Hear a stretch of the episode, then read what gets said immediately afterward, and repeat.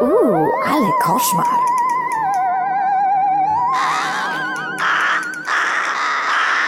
Cześć, ja jestem Zuza Cześć, jestem Milena. i razem rozpoczynamy dzisiaj tworzyć historię, bo to jest nasz pierwszy odcinek naszego podcastu.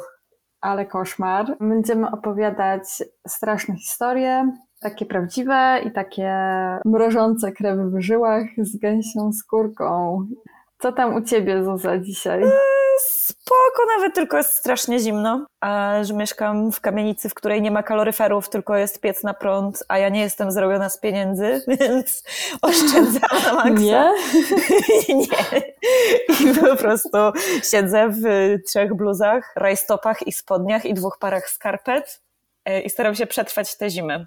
Rozumiem. Ja nie wyszłam z domu od dwóch dni. A sorry, wczoraj wyszłam, byłam w sklepie, kupiłam No, sanki. przynajmniej ktoś korzysta z tej zimy. Tak, znaczy jeszcze nie użyłam, ale, ale przynajmniej y, udało mi się zakupić sanki, co było wielkim challenge'em, gdyż okazuje się, że to nie jest y, towar powszechny, powszechnie dostępny, więc kupiłam w końcu w chińskim markecie. Także czat. E, Mam nadzieję, że w końcu jutro uda mi się pozjeżdżać. Takie są moje plany. No dobra, to co? Czy zaczynamy? Czy przechodzimy do, do sedna? Możemy przejść do sedna. Ty pierwsza. Ustalam z góry. Jak zawsze. Okej. Jak, jak zawsze podczas tych y, trzech innych pierwszych odcinków, które nagrałyśmy, które wyszły do dupy. no dobra, więc przechodzę do mojej historii. Naszą historię rozpoczniemy dzisiaj w latach 80. we Wrocławiu. Wow! I Polska, i blisko mojego rodzinnego miasta. Bardzo. Tak, powiem Ci, że i Polska, i Niemcy jednocześnie w tej historii. A, to wjeżdżamy w tę część, kiedy Breslau był Breslau. Ja. Swoją drogą e, zastanawiałam się dosyć długo w ogóle, mm, jaką historią bym chciała zacząć, e, bardzo chciałam coś z Polski i bardzo chciałam coś true crime. Też nie chciałam opowiadać czegoś, co na przykład, o czym są już jakieś takie spoko realizacje na Netflixie, czy...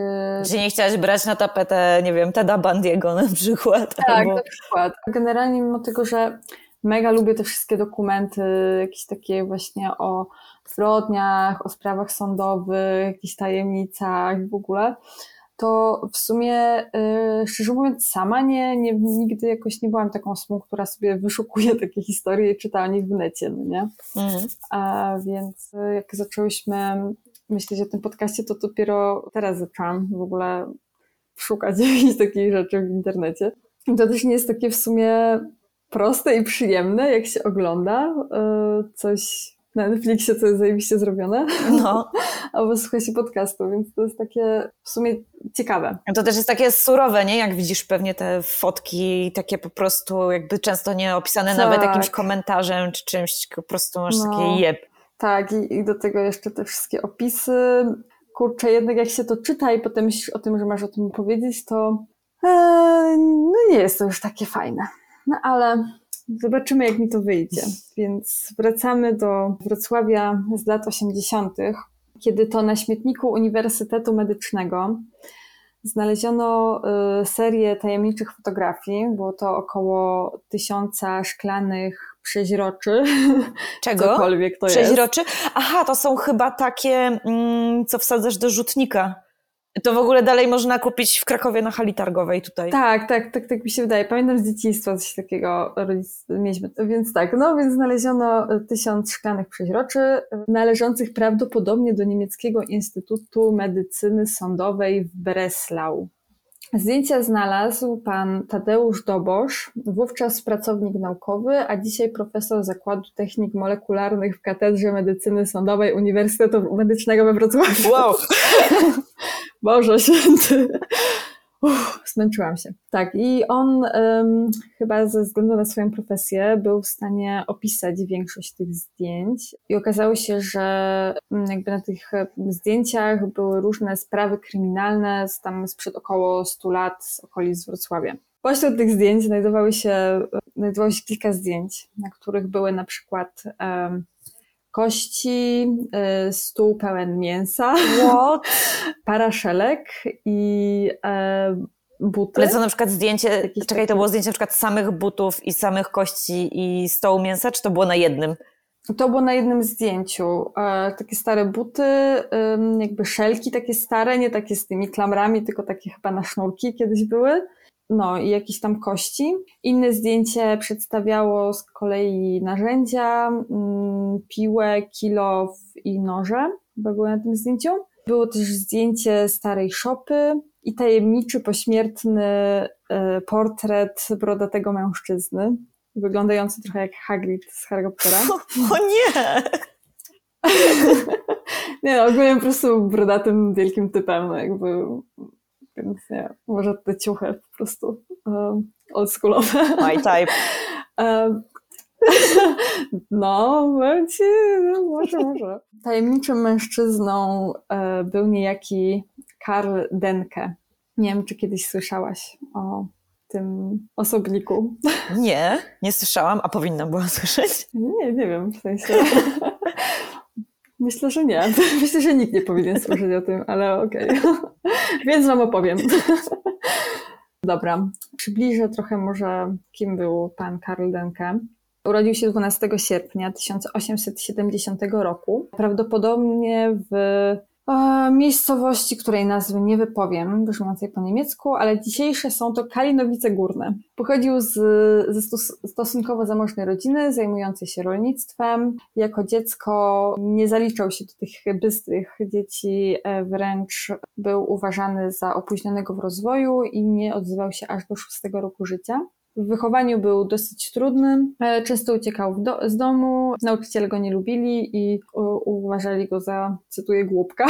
Kiedy skończył szkołę, zaczął praktyki u ogrodnika, natomiast kiedy miał 25 lat, zmarł jego ojciec i musiał wtedy ogarnąć się, więc za pieniądze otrzymane ze spadku kupił swój własny kawałek ziemi. No ale niestety okazało się, że rol, rolnictwo to nie jest jego broszka, i że mu to nie idzie, więc e, w zamian za tę ziemię kupił kamienicę przy ulicy Teichstrasse 10. Tej sztrasę? Teich, A, Teich, Teich, ta sztrasę. Tachstrasse. przy, tej, przy tej strasse dzisiejszej ulicy Stawowej. Tak, to, to był jednopiętrowy budynek, w którym y, Karl zajmował jedno mieszkanie, a resztę, resztę pomieszczeń podnajmował. Również tam przynależało jakieś podwórko, które miał ogródek warzywny i znajdowała się tam również szopa. Czyli ogródek warzywny to miłość do warzyw została z nim nadal jednak. Coś mu to ogrodnictwo tam dało, ewidentnie. Niekontrolowana inflacja po I wojnie światowej spowo- spowodowała, że Karl stracił wszystkie swoje oszczędności i był niestety zmuszony sprzedać swój dom, ale zachował swoje mieszkanie, przynajmniej mieszkał tam, nie wiem czy należało do niego, czy jakby tam wynajmował, no ale dalej tam sobie siedział. E, Swoją drogą miejscowość wówczas nazywała się Munster, Munsterberg, w której, w której mieszkał Karl. Bardzo pięknie brzmiąca miejscowość. I Karl, można powiedzieć, że był dosyć lu- lubianym e, członkiem społeczności. Miał nawet taki ładny przydomek ojczulek Denke, jako że często pomagał włóczęgom, jakimś tam osobom w potrzebie. No, kochany. Nosił krzyż na jakiś tam e, na jakichś tam pogrzebach i e, grał na organach podczas mszy. Także generalnie miał dosyć, e, powiedzmy, dobrą opinię, aczkolwiek również uchodził za introwertyka i wiadomo było, że nie pił, nie pił alkoholu, nie miał za bardzo znajomych, nie spotykał się z kobietami, nawet podejrzewano go o homoseksualizm. No ale generalnie chyba mimo wszystko to jakoś e, lubili go, że nie, mimo tego, że nie był jakimś wygadanym typem, to, to lubili go, bo też e, handlował na lokalnym targowisku i tam sprzedawał szelki, pasy, sznurówki oraz inne produkty ze skóry. Często też podróżował do Wrocławia, gdzie sprzedawał e, wieprzowinę na tamtejszym targowisku. No a jako, że to były czasy kryzysu, wszystkie te dobra były dobrami luksusowymi i pożądanymi, także jakoś tam se żył całkiem godnie chyba, e, ten ojczulek Denke. Natomiast jego rodzina y, też opisywała, że nie spędzał z nimi za dużo czasu, chyba odwiedził ich tylko raz. Był to dosyć pamiętny dzień, y, gdyż jego brat pamiętał, że Karl zjadł wtedy prawie kilogram mięsa. What? I brat opisywał go jako obżartucha. Kilogram mięsa? Jezus Maria. Kilogram mięsa. Ile można zażreć? Brzmi to tak super obrzydliwie, a będzie jeszcze gorzej. Także dopiero, e, dopiero zaczynamy. Zapinaj pasy, jedziemy. w podróż do mięsa. E, przenosimy się więc do roku 1924. Była niedziela, 21 grudnia przed świętami Bożego Narodzenia. W dolnośląskich Ziębicach, inaczej zwanych Munsterbergiem. Ja jestem za przywróceniem tej nazwy. Tak, no niestety po 1945 roku zmieniono nazwę na Ziębice, więc e, swoją drogą, ciekawostka, e, być może Edzia Górniak nie będzie Ci się już kojarzyła tylko z antyszczepionkowcami, ale także z Munsterbergiem, gdyż jest to jej miejsce urodzenia. Naprawdę? Ja w ogóle cały czas myślałam, że to jest Opole i zresztą mówiłam wszystkim, że Edzia jest z Opola, tak jak ja, znaczy nie ma się czym chwalić w tym momencie, ale... Jestem pra... Czekaj, teraz nie jestem pewna, ale Muszę to sprawdzić. Nie, no pewnie masz rację. Bo teraz zadałaś mi ćwieka, gdyż nie honor, honorowa obywatelka gminy Ziębice. O kurczę, ale, ale, jest honorową ambasadorką stolicy polskiej piosenki w Opolu. Okej, okay, dobra, to jeden jeden. Jest ambasadorką marki Opole. Okej, okay, dobrze. Wróćmy więc do tego felernego dnia, gdyż y, był to felerny dzień, 21 grudnia 1924 roku. Godzina 13. Sierżant Palkę miał właśnie dyżur, siedział sobie na posterunku, nie wiem, może pił sobie kawcie, popalał sobie fajeczkę, gdy nagle na posterunek wpadł zakrwawiony mężczyzna. Nazywał się Vinzenz Olivier i twierdził, że został brutalnie zaatakowany przez niejakiego Karla Denkę, lokalnego handlarza. Denkę miał rzekomo zwabić żebraka do swojego mieszkania. Czym? Tą, tą wołowiną, czy tą wieprzowiną? tą wieprzowiną. I tam usiłowić pozbawić go życia. No jako, że ojczulek Papa Denke był e, szanowany w miasteczku, w miasteczku, a to był jakiś obdartus, no to nie, chciało, nie chciano mu uwierzyć, ale generalnie yy, lekarz zbadał mu głowę i no i się okazało, że rzeczywiście ma tam jakieś obrażenia. Swoją drogą, według tego mężczyzny, Karl Denke obiecał mu 20 feni fenigów, co chyba było jakąś walutą wtedy. Pewnie tak. Obiecał mu te 20 fenigów za napisanie listu do jego brata, na co on się zgodził. I kiedy Karl podyktował mu słowa Adolf, ty tłusty bebechu,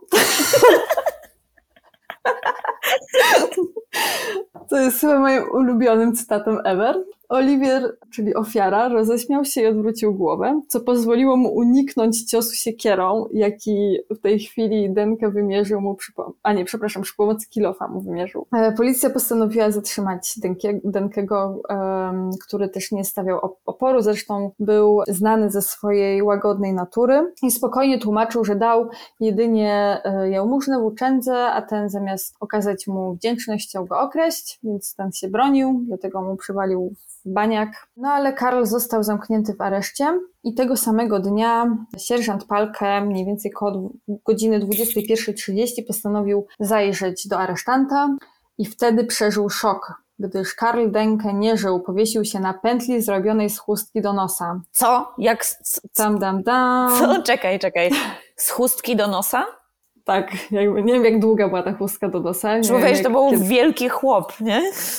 No, znaczy, myślę, że nawet mały chłop, nie wiem, w sensie chustka do nosa. Pamiętam z dzieciństwa takie materiały. Tak, takie wyszywane, w ogóle. 20. Ja w ogóle tego nigdy nie czaiłam. Dla mnie to było jakieś takie ohydne, że smarkasz sobie gile po prostu. Tutaj. Ale bardzo ekologiczne. Nie, no ekologiczne tak, ale później to pierzesz, nie? No musisz to wyprać. No, tak, tak. Zgaduję, że ręcznie wtedy się prało, no. tym bardziej jakby, no ale dobra. No, well.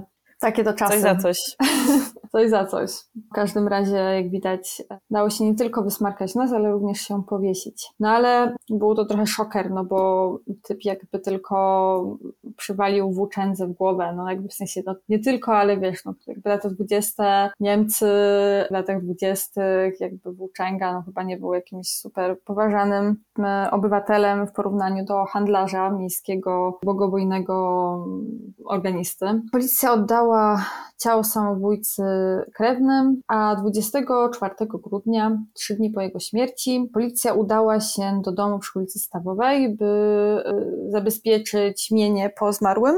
No i to, co tam zastali, to to jest ten moment, w którym historia nabiera rozpędu, gdyż wnętrze jego mieszkania było w zasadzie zakładem rzeźniczym, którym jak później potwierdziły testy laboratoryjne. Pełen był ludzkich szczątków, w tym setek fragmentów kości, wysuszonej i rozciągniętej ludzkiej skóry, kadzi pełnych tłuszczów oraz słoi speklowanym ludzkim mięsem. Jezus, ale wiesz co? Powiem ci, że miałam takie przypuszczenia, jak powiedziałaś o kilogramie wieprzowiny. No. Um, znajdowała się też tam szafa pełna zakrwawionych ubrań, y, łącznie z taką prymitywną dosyć aparaturą do produkcji mydła. Zgadnij z czego? Zgaduję, że padenkę nie marnował nic. Nic nie marnował, nic nie marnował. Z, znaleziono również y, całą stertę dokumentów, których skrupulatnie jakby notował różne dane na temat swoich gości. Co jest dosyć ciekawe, zachował się dokument, który dosyć dobrze opisuje w ogóle to miejsce tych wszystkich mordów, gdyż w 1926 roku, czyli gdzieś tam około rok po odkryciu tej zbrodni, niejaki Friedrich Pietruski, ówczesny naczelnik Instytutu Medycyny Sądowej w Breslau, sporządził raport. I tak, teraz Ci przeczytam, e, co w tym raporcie było właśnie zawarte. W sensie to jest jakby mocno to skondensowałam, gdyż ten raport naprawdę był dosyć długi generalnie. W sensie i tak to, co ja znalazłam, to było już jakaś przecedzona po prostu wersja yy, tego raportu, a ja ją już trochę okroiłam, no bo to musiałabym chyba długo to czytać. E, także tak, to co zostało znalezione w mieszkaniu, to było e, na przykład e, mięso marynowane w roztworze soli w drewnianych beczkach, w których znajdowało się 15 kawałków mięsa wraz z skórą. I jeśli sobie wyobrażasz, że to było, nie wiem, jakieś takie kawałki małe mięsa, to nie było. To było na przykład tors przecięty na pół. Nie, nie, nie, nie, nie, nie, nie. E, tak, to, to jest, generalnie będzie tutaj trochę takich opisów, więc jak ktoś nie lubi, no to, znaczy ja też nie lubię, ale jakby no przeczytam. E, więc tak, będą też, um, były też kawałek chyba brzucha, bark, tak, tak, fragment brzucha widoczny przez pępek, a nie, w, w, we fragmencie tego brzucha był widoczny pępek, sorry. Um, tak, i w, w tym raporcie było wymienione, że najbardziej, to będzie super obrzydliwe, teraz mówię od razu, najbardziej ciekawym znaleziskiem jest dobrze oczyszczony odbyt z, oba, z oboma pośladkami. Czekaj, Jakby, czekaj, czekaj. Nie wiem, Co? nie wiem, nie, nie rozumiem, nie, nie wiem. Ale że takie jelitko z dupką, jakby no to chodzi. Nie wiem, Z zostawmy to. nie wnikam, zostawię to tutaj po prostu. Co tam jeszcze było? Bo było tego sporo. No były tam jeszcze jakieś, chyba tego, to, to mięso tak się chyba tam wszędzie tam trochę walało, więc e, e, e. o Jezu, notatki mi zwariowały. Dziwi się, że zwariowały. Po tym jak przeczytałaś tą historię z dupą, to... o, sam zwariowałam, sorry. Okej, okay, dobra, już, już jestem. Na szczęście prawdopodobnie te ofiary, według tego, co zostało zbadane, już nie żyły podczas tego, gdy on tam je kroił i w ogóle. E, a kroił je na przeróżne sposoby i wszystko chyba kroić się dało, e, łącznie z oczyszczaniem kości z różnych fragmentów ścięgien. Dobrze. Znaleziono również trzy średniej wielkości słoje wypełnione kremowym sosem, w którym znaleziono mięso częściowo pokryte skórą oraz ludzkimi włosami. I mięso wydawało się być wycięte z okolic pośladków. I teraz e, hit. Jeden ze słojów był wypełniony tylko do połowy, z czego pan piszący ten raport wysnuł podejrzenie, że Denke prawdopodobnie zjadł brakującą porcję tuż przed tym, jak został aresztowany. Well. No, na głodnego się nie idzie na komisariat. Zdecydowanie nie. Um, była też tam misa wypełniona bursztynowym tłuszczem, który wydawał się być ludzki, beczka pełna kości. E, obok domu znaleziono e, część nogi, a w pobliskim lesie znaleziono część szkieletu i jakieś tam inne kości. E, również w miejskim lesie znaleziono jakieś tam fragmenty kręgosłupa i kości. Też stwierdzono, że powierzchniowe kości są wyszczerbione, jakby były cięte za pomocą jakiegoś tępego narzędzia. Więc generalnie chyba on to po prostu ciął jakąś taką chamską piłą albo siekierą lub młotem. Nie wiem jak młotem, ale well. Ja się tam nie znam. Ani na mięsie zwierzęcym, ludzkim, ani na żadnym. Mi jest trochę słabo. No, stara. Ale już wydaje mi się, że chyba najgorsze za nami, więc spoko. Już teraz tylko przechodzimy do kolekcji 351 zębów, które były posegregowane ze względu na kategorię zęba. E, I na tej podstawie można było oszacować, że należały do przynajmniej 25 osób. O oh, fuck. Te zęby też dosyć pomogły w ogóle jakby w określeniu trochę takiego też profilu, nie profilu, tylko jak to się mówi... Um... Identyfikacji zwłok jakoś, tak? Też, chociaż chyba wydaje mi się, że jako, że to były, byli to generalnie włóczędzy przeważnie, to chyba i tak nie udało się jakoś tam za bardzo zidentyfikować. No wiadomo, to też nie były takie czasy, gdzie to było takie łatwe i te wszystkie zwłoki no, były po prostu zmasakrowane, więc po tych zębach ciężko było chyba znaleźć konkretne osoby. Znaczy do tego jeszcze przejdę zaraz, ale generalnie co się dało określić to wiek tych osób i okazuje się, że Karl głównie lubował się w osobach starszych. Podejrzewam, że pewnie dlatego, że były słabsze po prostu. No tak. No, ale generalnie 4 piąte ofiar to były osoby starsze. Było tam kilka młodszych, jedna chyba 16-letnia osoba. Yes.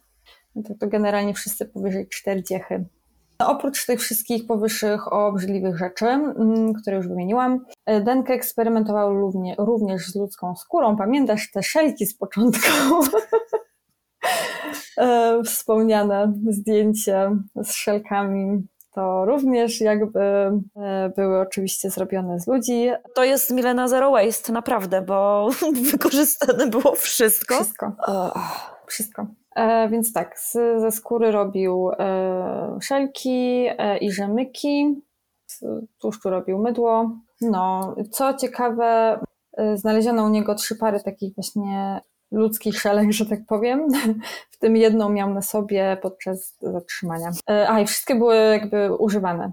Znaleziono również 41 tobołków ze szmat, no i bardzo dużą liczbę dowodów tożsamości, a także księgi rachunkowe z zapiskami jakby o dochodach, które tam osiągał, ale także z taki jakby spis właśnie, spis... E, taki skrupulatny. Skrupulatny, tak. Bardzo e, nawet było w tym raporcie napisane, że trzeba przyznać, że skrupulatnie prowadził te swoje księgi.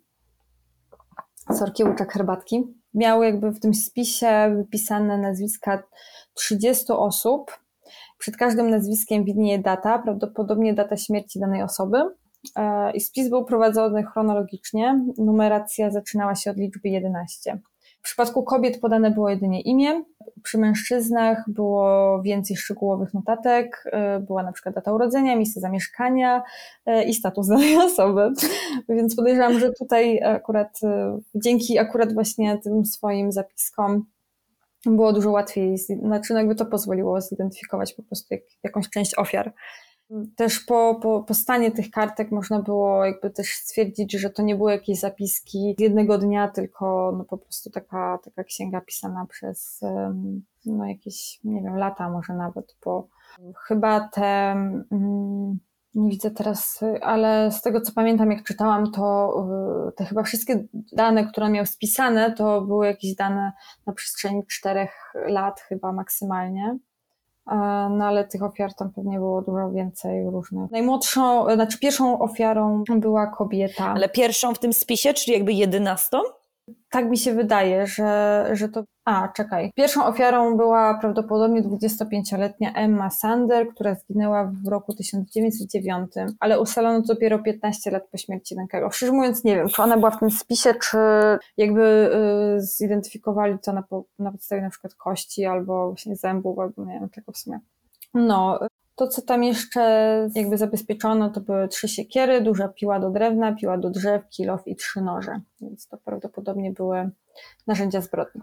Uf, jaki był motyw? um, wiadomo jest, że, że zbrodnie nie miały żadnego motywu seksualnego. Raczej to było po prostu spowodowane, no chyba po prostu tym kanibalizmem, no. W sensie typ jakby chciał się nażreć. Ale on to żarł sam? Czy on to sprzedawał na tym targu? On to żarł i sprzedawał. I pewnie karmił jeszcze tych ludzi, e, którzy do niego przychodzili. Ja pierdolę. Um, no, ale tak. Um, no prawdopodobnie po prostu no, lubił żreć mięso i, i a jako, że to były czasy kryzysowe, nie było mięsa, nie było nic, no to, no to generalnie znalazł sobie inny sposób. Jakby ciekawym wątkiem w ogóle jest to, że jakby on miał sąsiadów, no nie?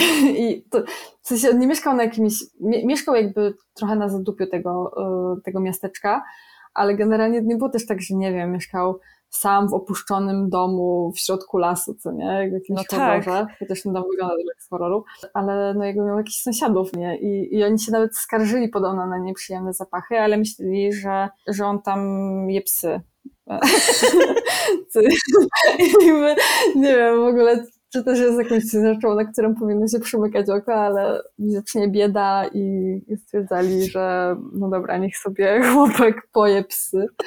Nie, o nie! A potem, no jakby też on handlował tym mięsem, no i typ z początku historii, ten Win, Win, właśnie, nie Vincent, tylko Vinzenz, mm, nie był pierwszym, y, któremu y, udało się uciec od, od y, Denkego. To już on był chyba trzecią osobą, której udało się, albo czwartą, której udało się. To co z tamtymi? Nie zgłaszali tego? Tak, oni tego nie zgłaszali. W sensie jeden się chyba poskarżył sąsiadom, ale nie Okej. Okay. Ej, ty próbował mnie zeżreć. No, no, no, spoko, stary. A, tak ma. Daj spokój. Nie, nie tylko psy. No więc tak, y, fun fact tutaj jeszcze, tu jest dużo fanfaktów, ale mm, jakby fanfaktem, fanfaktem jest takim, że w okolicy, no kiedy jakby odkryto to morderstwo i sprawa wybrzmiała, to y, nastąpił skrajny spadek mięsa, to nic dziwnego, do tego stopnia, że nawet lokalna fabryka czy tam przetwórnia upadła i przez miesięcy, kilka miesięcy ludzie nie, nie jedli w ogóle wędlin żadnego mięsa. E, I nawet podobno nie chcieli pić e, za bardzo wody, bo, no bo jakby bali się, że ona tam przesiąkła krwią tych ofiar. Wow. Zresztą e, ten dom do dzisiaj stoi przy ulicy Stawowej i nawet chyba był jakimś takim pewnym momencie popularnym miejscem, no nie wiem, wycieczek, w sensie ta sprawa jakoś stała się głośna chyba parę lat temu, gdyż ktoś napisał o tym książkę, nie pamiętam, nie pamiętam nazwiska kobiety. No i po prostu zrobiła się to jakieś takie popularne i ludzie tam zaczęli przyjeżdżać, więc odwiedzać ten dom. No i podobno jeszcze do lat chyba 70. znajdywano jakieś kości w ogóle na y, terenie tego y, dawnego ogródka.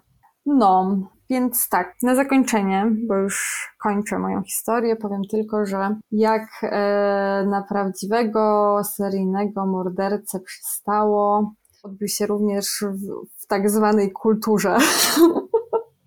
jak powiedziała mi Wikipedia, kilka osób zespołów takich jak Ost plus Front, również zespół Super Potwór, e, wrocławski zespół Odra, E, nagrały piosenki o Karlu Denkerze. Denke, Denkerze? Denku? Nie wiem. O Denku, Denku Benku. O, papie. Papa. Papa Denko. Także był, e, była ta jego postać e, chyba odcinku serialu Belle Époque, nie mam pojęcia co to jest, a także odcinku serialu Belfer, też nie wiem co to jest serial, sorry. No nic, no to tyle. To była historia o papie Denke, zwanym również kanibalem z Munsterberga. Ta nazwa jest cudowna. Ale Tak, stara, powiem ci, powiem ci, dawno nie słyszałam tak obrzydliwej historii. No. A słucham tego na pęczki i czytam o tym na pęczki i po prostu naprawdę żygówa na maksa. Order żygówy dla ciebie za historię. Dziękuję, dziękuję. W końcu coś mi się udało. Nie, no generalnie swoją drogą najpierw znalazłam tę historię i w ogóle myślałam, że ona będzie dużo krótsza. W sensie jakby za, zainteresowała mnie, ale zainteresowała mnie, bo właśnie jakby mm, raz, że trochę jest taka odległa, a trochę jednak e, gdzieś działa się w Polsce, chociaż nie do końca w Polsce, wtedy to nie była jeszcze, po, nie była wtedy to nie była Polska. No tak, ale to są gdzieś tam nasze tereny, nie? Tam, gdzie się wychowałyśmy. Tak, tak, więc jakby e, wszystko mi tu zagrało, no ale jak znalazłam ten raport jeszcze, zaczęłam czytać to. Mater Dio. Nie, no powiem ci, że, że grubo, grubo stara, naprawdę. Nie spodziewałam się takiego wpierdolu na dzień dobry. No, I cofam wszystko, co powiedziałam, że on był w moim typie. E, nie, nie, nie. Dziękuję, nie chcę. Wezmę kota. myślę, że mógłby cię co najwyżej schrupać. O, nie. No dobra, to co ty tam masz? Co tam masz na warsztacie? No dobra, to teraz ja cię zapraszam podróż. Nie do Mm. Breslau, ale no, do pięknej Italii, do Włoch. O, wow! E, jedziemy na wyspę. Czy ty już wiesz, o czym ja będę mówić? O nie. Chyba wiem, chyba wiem. O Jezu, to jest też gruba historia, jeśli to jest ta historia. Możliwe, że to jest ta historia, bo chyba jak chodzi o Włochy, jest to jedna z bardziej znanych tak naprawdę creepy historii. I będę mówić o pięknej wies- wiosce, boże wiosce, pięknej wyspie Poweli. Czy to to? O Jezu, tak. Ale nie znam, znaczy mm, y, tak, chętnie jakby usłyszę. To jest grube. Tak, więc wjeżdżamy. No to najpierw takie krótkie info ogólnie. Powelia to jest no w sumie taka mała wyspa, położona niedaleko Wenecji, w północnych Włoszech. Jest podzielona na dwie części takim małym kanałem. Aktualna liczba ludności, która tam mieszka, wynosi okrągłe zero. I też oficjalnie jest to nielegalne, żeby się tam wybrać i w ogóle przebywać na Poweli. Jak chodzi o historię, to w 421 roku ludzie uciekali na Powelię z wysp, z wysp Padwy i Este przed inwazją barbarzyńców. W 1379 roku Wenecja została zaatakowana przez flotę y, genuejską i wszyscy mieszkańcy Poweli zostali ewakuowani do, nie jestem pewna, czy to przeczytam, Giudecki, Giudecki? Wiesz, jak to się czyta? Giudecki, powiedzmy, nie wiem. Whatever. Od tamtego czasu przez kolejne stulecia wyspa pozostawała tak naprawdę niezamieszkana. I też w 1527 roku Doża, Doża to jest władca Republiki Weneckiej, chciał ofiarować tę Mm. wyspę y, mnichom, którzy w ogóle odmówili przyjęcia tej wyspy. Ktoś ci daje wyspę i mówisz, nie, sorry, podziękuję, ale nie chcę. Watykan mówi no thank you. I tak, od 1645 roku Powelia stała się jednym y, z takich pięciu fortów chroniących y, wejścia do laguny. Tam wybudowali taki też, y, to chyba się oktagon nazywa, ośmiokąt taki, który do dzisiaj jest widoczny. Jak na przykład sobie wgooglujesz tę wyspę, no to widać, że on tam jest. No i to po prostu te, ona stała się jednym z tych fortów, które chroniły wejścia do, tam do laguny. No i to takie ogólne info, a teraz przechodzimy do tej bardziej makabrycznej części, jak chodzi o historię Poweli. E, I ta część pojawia się razem z epidemią dżumy, więc na czasie powiedzmy w miarę, jak chodzi o pandemię.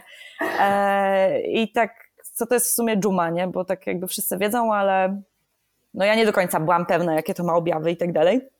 A ja w sumie też nie wiem. No nie, bo to tak zawsze się wydaje, że aha, dżuma, no wiem. A właściwie Jakaś taka, nie to jest to taka ostra bakteryjna choroba, nazywana też była morem, e, zrazą morową, plagą e, lub czarną śmiercią, chyba najbardziej pod tą nazwą jest znana. Mhm. I do zakażenia dochodziło przez na przykład jak e, ukąsiła cię pchła, szczury też to przenosiły, tak, w ogóle jak miałeś kontakt z zainfekowanym materiałem albo też drogą kropelkową. Wow, nie wiedziałam, że taka pchła może przynosić. Tak, na przykład był szczur, który miał dżumę i pchła ugryzła tego szczura i później ugryzła ciebie, no to bank, masz dżumę. Nie?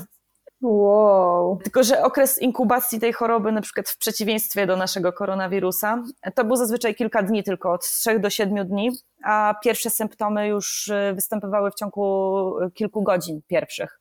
No i Mhm. te symptomy to takie jak wszystko, czyli grypopodobne.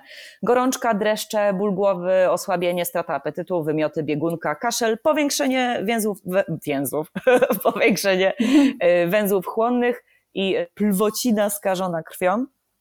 Tak, w niektórych postaciach dżumy dochodziło do problemów z krążeniem, co skutkowało y, między innymi y, martwicą palców, czyli y, one się stawały czarne, te kończyny na przykład, nie dłonie i stopy.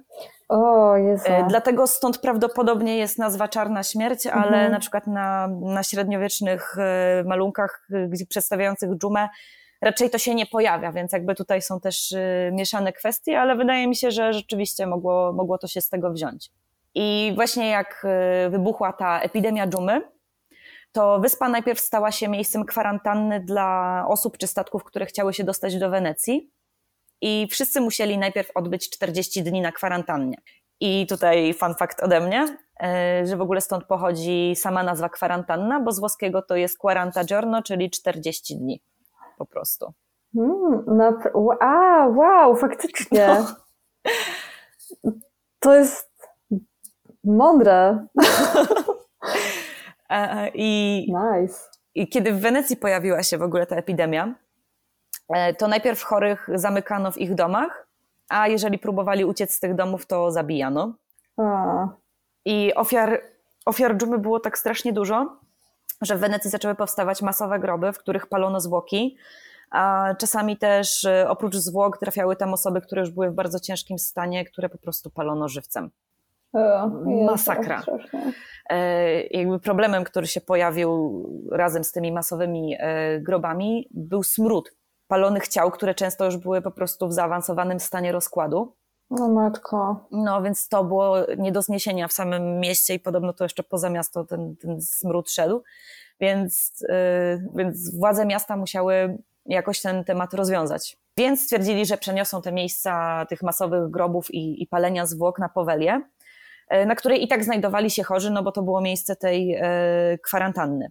I przez strach przed chorobą na Powelię, oprócz ciał, zaczęto też wysyłać osoby, które miały symptomy dżumy, ale wybuchła taka panika, że tak naprawdę gdzieś tam czytałam w którymś źródle, że wystarczyło, że ktoś kaszlnął na przykład. Albo że się gorzej poczuł i od razu ich wysyłali na Powelię. Jezu. E, I ona dostała taką nazwę Wyspa bez powrotu, no chyba z dosyć oczywistego powodu, no bo nikt z niej nie wracał. No tak. One way ticket. One way ticket, dokładnie. E, I creepy fact tutaj, na pewno kojarzysz te maski z okresu epidemii dżumy y, lekarzy. Mhm. One tak wyglądają tak. jak takie głowy ptaków, nie wiem, taki dziób mają długi po prostu, charakterystyczny. E, I te dzioby były po to, że one po prostu były wydrążone, takie puste w środku. I ci lekarze, bo to lekarze nosili te, te stroje, oni mieli tam napchane y, dużo jakichś tam ziół, olejków eterycznych, które miały po prostu zapobiegać zarażeniu się chorobą. I Mhm. też cały ich strój e, nosili tak, że mieli skórzane buty, skórzane rękawice, skórzane płaszcze i skórzane kapelusze, e, które też no, miały zapobiegać zarażeniu się. A pacjentów, jak badali, to mieli takie długie po prostu pałki drewniane, y, że ich tam, wiesz, po prostu, żeby ich nie Mhm. dotknąć, to Dźgali. tak, dokładnie. Ich to dźgali, żeby postawić diagnozę w ogóle. Nie wiem, dlaczego ich dźgali, Okej. po co to było. Dong, dong, chory. Puk, puk. Diagnoza chory. I tam na Poweli, gdzie właśnie przeniesiono to miejsce palenia zwłok z Wenecji, zostało spalonych, jakby różne źródła mówią różnie, ale na pewno ponad 100 tysięcy ciał. O matko. i przyjmuje się, że ziemia, która jest na wyspie, składa się w 50% po prostu z ludzkich szczątków i popiołu. To była taka. What? Tak, to była taka ilość po prostu tych zwłok i, i tego popiołu, który z tego się zbierał, że 50% ziemi, która tam jest, to jest po prostu popiół. Co? Wyobraź sobie przejść w ogóle po czymś takim. O, fuj, no właśnie o tym pomyślałam. O, Uff, no. Ciarki mnie przeszły. I Kolejna bardzo, bardzo przyjemny fakt, e, że na przykład do dzisiaj rybacy nie zapuszczają się w tamte rejony, ponieważ bardzo często się zdarzało, że podczas połowu wyławiali ludzkie szczątki albo kości. No. Podobno też zdarza się, że są wyrzucane gdzieś tam na brzeg, ale to jest info z takiego źródła, za które bym się nie dała e, pokroić nawet papadenkowi. Więc tak wyglądała Powelia pewnego czasu. No i później teraz rozpoczynamy w sumie kolejny, kolejny etap naszej uroczej wyspy. Jest rok 1922 i na Poweli otwiera się szpital psychiatryczny. A co wiemy o szpitalach psychiatrycznych w tamtym okresie? No raczej to Same dobre same rzeczy. dobre rzeczy. Niczym chyba nie przypominały, no nie, no mam nadzieję, że niczym prawie nie przypominały tym, czym są szpitale psychiatryczne w tych czasach. I niestety ten akurat zasłynął głównie z jednego, nie wiem, no nazwijmy to go lekarzem. E, był to chirurg, ale w sumie rzeźnik by lepiej pasowało tak naprawdę do tego, co robił. Papa. Papa rzeźnik, papa butcher, który uznał, że y, jakby ma super y, możliwości do robienia jakichś badań, skoro szpital jest położony na wyspie, tak naprawdę na odludziu, więc może robić co chce, zgłębiać tajniki ludzkiego umysłu i psychologii bez żadnych konsekwencji, Mm. jak y, chodzi o metody, na, na jakie się decydował, żeby te tajniki właśnie zgłębić. A tak naprawdę po prostu przeprowadzał bestialskie i właściwie bezsensowne eksperymenty. E, Podobno otwierał na przykład ludziom czaszki i sprawdzał, jak reagują, jak dotyka ich mózgu. O, o, o fuj, o Jezu. O. No, to jest scena jak z Hannibala, mi się od razu to przypomniało, wiesz, jak on Tak, o, o Jezu, tak. Nie, to było takie straszne. No, y, kolejną z jego ulubionych, y, kolejnym z jego ulubionych zabiegów była y, lobotomia, którą uważał za rewelacyjną metodę leczenia. Y, I wykonywał ją na przykład wbrew woli pacjentów, bez żadnego znieczulenia, bez sterylizacji narzędzi. Po prostu Jolo. jolo, no. A, czekaj, tu mamy jakiś długopis. Daj na tego buta. Jadymy. Właśnie y, źródła mówią, że używał do tego młotków, dłut i wierteł, ale w sumie tak naprawdę z tego, co ja wiem o lobotomii, to do tego się używało dłutka, dłutu i, i młota tak normalnie. Chyba bez znaczenia, czego się używało. Tak, tylko że no, to nie, chyba dokładnie, to nie zmienia faktu, że więcej osób umierało albo miało skutki uboczne, takie nie wiem, jak padaczka, apatia, albo po prostu pogarszał ich się i po prostu stan, w którym byli wcześniej. Nie wiem, Lobotomia jest najgorsza. Lobotomia jest najgorsza po prostu. Nie, no, sam, sam proces zabiegu i w ogóle pomysł na przerwanie połączeń nerwowych dla mnie jest No, absurdalny, no ale dobra. O. I właśnie wtedy, w momencie, w którym ten e, szpital powstał, zaczynają się pojawiać pierwsze historie związane ze zjawiskami paranormalnymi na Poweli. Ponieważ większość pacjentów zgłaszała, że widzi czarne postacie, zazwyczaj stojące obok ich łóżka.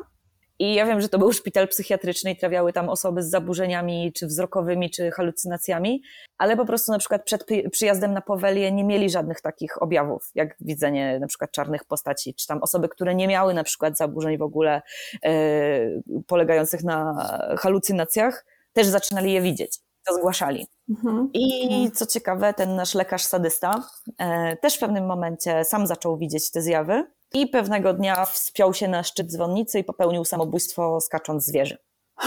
Well. Well, well, well. No, jakby, no nie wiem, no chyba nieważne. Ale też Co? jak chodzi o jego śmierć, to są bardzo e, różne wersje dotyczące jego Mhm. śmierci, bo jest oczywiście e, wersja, że tak naprawdę to on został z tej wieży zepchnięty przez duchy. I w ogóle ja mam trochę, nie wiem, Milena jak tyle, ja mam trochę problem ze słowem duchy. Znaczy w angielskim, Duchy? tak, bo w angielskim na przykład masz rozróżnienie na ghosts i na spirits, A, a po polsku mhm. duchy to w ogóle tak przaśnie trochę brzmi, takie duchy, nie? A jak mówisz spirits, to wiadomo, że o coś innego chodzi, nie? No ale nic. Hmm. No dobra, w każdym razie duchy go zepchnęły. My mamy duchy. Tak, u nas spychają Strzygi. duchy, strzygi i upiory. E, W innej wersji zamiast duchów podobno zepchnęli go pacjenci, ci, którym też tą lobotomię wykonywał i inni, którzy mieli dość tego pojebanych praktyk. Jakby ta wersja wydaje mi się nawet y, prawdopodobna. Ej, czekaj, a jak to jest z tą lobotomią w sumie? W sensie, że jakby to, to jest tak, że jak ktoś ją zrobi, to od razu jakby jesteś warzywem? Właśnie, właśnie nie, żeby- właśnie nie, bo też o tym czytałam, bo się zastanawiałam nad tym, jak to wygląda, bo też były przypadki, kiedy lobotomia zadziałała. Tylko jakby bardzo duży odsetek osób, em, które miały lobotomię, miały właśnie albo efekty uboczne, typu bardzo dużo osób miało, dostawało padaczki. Bardzo wiele, u bardzo wielu osób zanikał całkowicie popęd seksualny, y, wiesz, wchodziły w taki stan apatii, y, niektóre właśnie stawały się no tak, tak y, zwanymi powiedzmy, nie wiem, warzywami, że wiesz, po prostu nie byli w stanie, nie byli w stanie nic zrobić dookoła siebie i tak naprawdę wymagali hospitalizacji już do końca życia, albo nawet mógł się Mhm. pogorszyć stan, który mieli wcześniej, czyli to była taka trochę rosyjska ruletka z tym. Mhm. Okej, ja myślałam zawsze, że to było takie znęcanie się po prostu.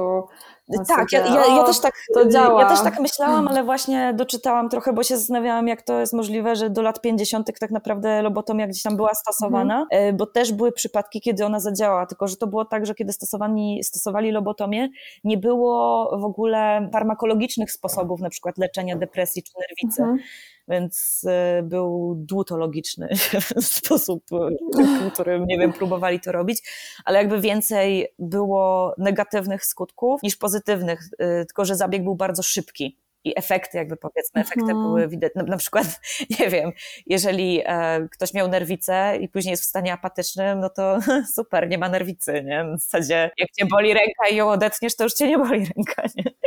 No Więc- tak, tak. No. Jakby z, y, mogło być tak, że pacjenci po lobotomii em, mogli go, nie wiem, dalej coś nam, e, zależy w jakim byli stanie, nie? bo to, to też było dosyć Mhm. indywidualne. No, więc jedna wersja jakby zakłada tych pacjentów, e, jest kolejna taka wersja, że podobno jedna z pielęgniarek twierdziła, e, że widziała jego śmierć i że on przeżył ten upadek z wieży, co jest dosyć mało prawdopodobne, bo ta wieża jest mega wysoka. E, No i jak tam leżał na ziemi, to pojawiła się wokół niego mgła i go udusiła. Nie wiem, jakoś ta historia mnie nie przekonuje do końca. E, No ale Okej. jakimś cudem w ogóle ten szpital istniał do 1968 roku, więc What? no, że mam nadzieję, że to Na tej wyspie zrobionej z ludzkiego popiołu tak, dokładnie. i duchów? Dokładnie. W ogóle ta wyspa jest bardzo ładna, e, ale Jak wszystko we Włoszech. Mhm. Łyczek. A jest jeszcze jedna legenda, Milena, dotycząca śmierci doktora. Po prostu jest doktor rozchwytywany Oh w legendach. E, Ta akurat w ogóle nie zakłada upadku zwierzę, tylko podobno pacjenci podali, nie wiem, czy mu jakiś środek, czy go jakoś tam odurzyli i zamurowali go żywcem w ścianie. Nice. Lub kolejna wersja, jakby ci było mało, nie No. wiem już która, że po prostu go zamknęli w tej wieży i on tam umarł z głodu czy odwodnienia, no nie wiem, po prostu nie miał tam jak Okej. przetrwać.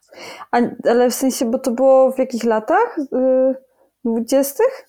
W 20 był e, otwarty szpital, w 1922, ale wiesz co dokładnie w których latach działał ten e, lekarz, tego nie znalazłam i jakby nawet samo istnienie tego lekarza, niektóre strony jakby zaprzeczały temu, że to jest tylko legenda, ale What? bardzo e, z kolei na bardzo wielu innych stronach, no, stronach no, nie było powiedziane, że tak było na 100%, ale nie ma na przykład nigdzie imienia tego lekarza, czy zdjęcia A no właśnie, bo więc to może być taka urban legend Mm. trochę, a może to się wydarzyło, a może to jest tak trochę pół na pół, nie? bo trudno powiedzieć okej. tak naprawdę.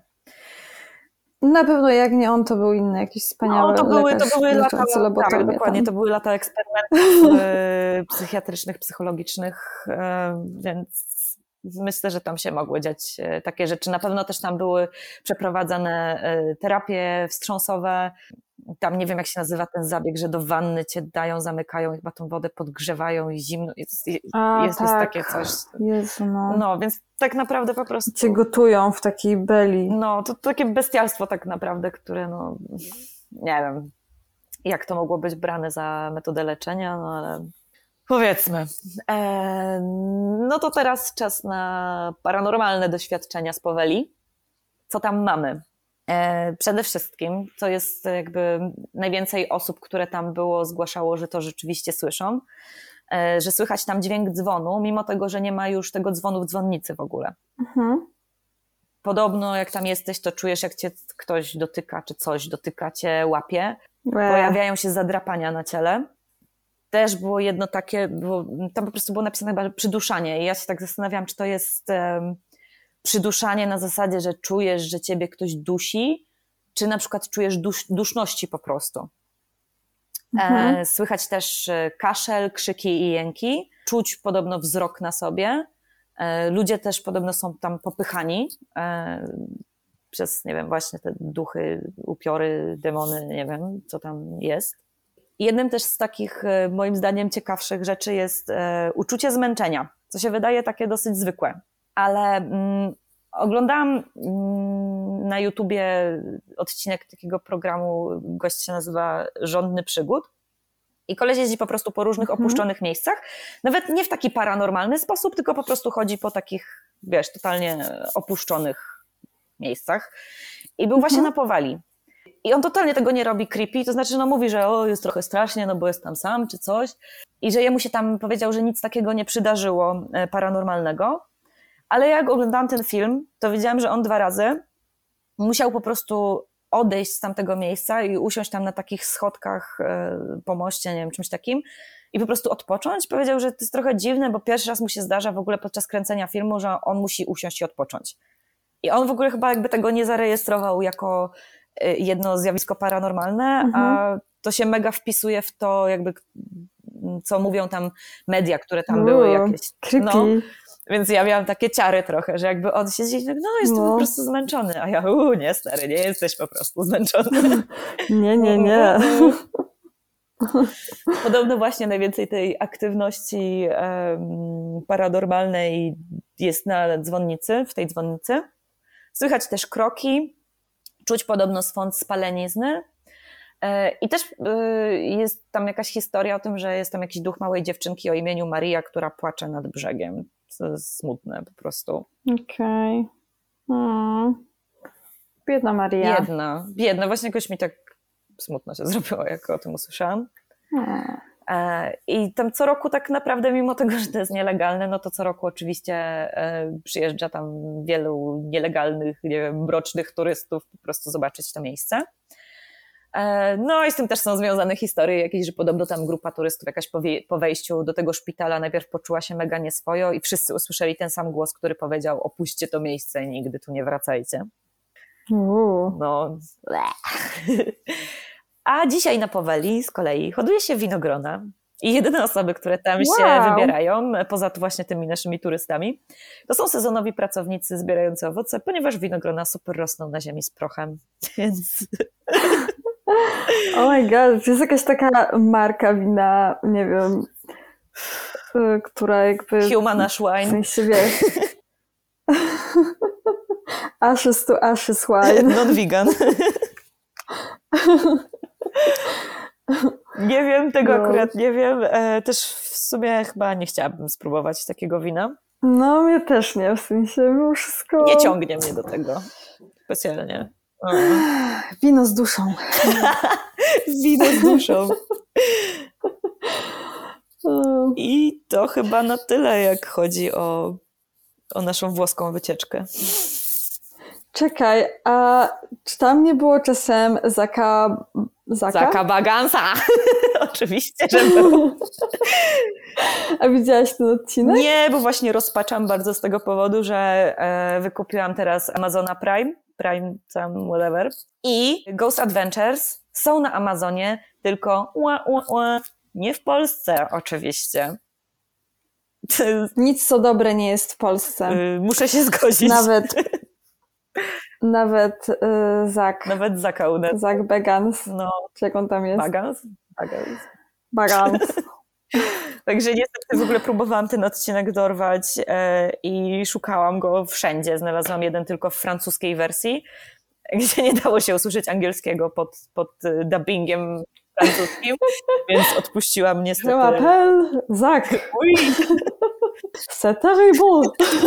macabre. Dans macabre. A. No dobra, kurczę. To jest spoko historia bardzo. Bardzo straszna historia. No, chociaż powiem Ci, że z tymi paranormalnymi tutaj miałam mieszane uczucia. Mhm. Znaczy ja jestem, nie jestem super, super wierząca, nie jestem też niewierząca, nie jestem sceptykiem na pewno do końca. Mhm. Nie, wydaje mi się, że sama historia Poweli, nawet odcinając te wszystkie paranormalne rzeczy, jest tak makabryczna i nie wiem, to, że ktoś cię wywozi i ostatnie co widzisz, to jest, nie wiem, ten ptasi dziób i wiesz, wiesz po prostu, jak już tam jedziesz, że stamtąd nie wrócisz. No.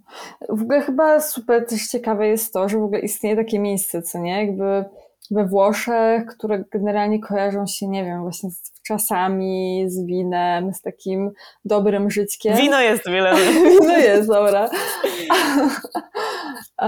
No i że nie wiem, jest jakby takie miejsce, które jest rzeczywiście opuszczone, no nie? I to jest takie creepy trochę, że nie wiem, w sensie wydaje mi się, że po prostu żyjemy trochę w takim świecie, gdzie każde miejsce, które jest do zagospodarowania i do jakby wytargania jakichś pieniędzy z tego, wybudowania jakiegoś hotelu, Ale właśnie wiesz, Milena, Powelia była sprzedawana kilka razy z tego, co się orientuję. E, Raz Mhm. była sprzedana jakiejś rodzinie, ale nie pamiętam już teraz zupełnie, jakie to były lata, e, która właśnie chciała tam otworzyć jakiś hotel. E, I oni w ogóle Mhm. po pierwszej nocy podobno uciekli w popłochu stamtąd, bo coś chciało zerwać ich córce twarz, coś takiego. O no. fuck! Wow! E, I, I po pierwszej, mimo tego, że kupili tę wyspę, O Jezu, mam ciary no, po pierwszej nocy w ogóle stamtąd uciekli. I teraz w tym momencie też e, ktoś kupił tę wyspę, jakby jest nowy właściciel tej wyspy. O. Czy ona jest prywatna w takim razie? Nie wiem, jak to w ogóle działa. Jak to działa z wyspami. W Polsce nie mamy wysp chyba, więc e, nie, nie wiem, możesz sobie kupić wyspę po prostu.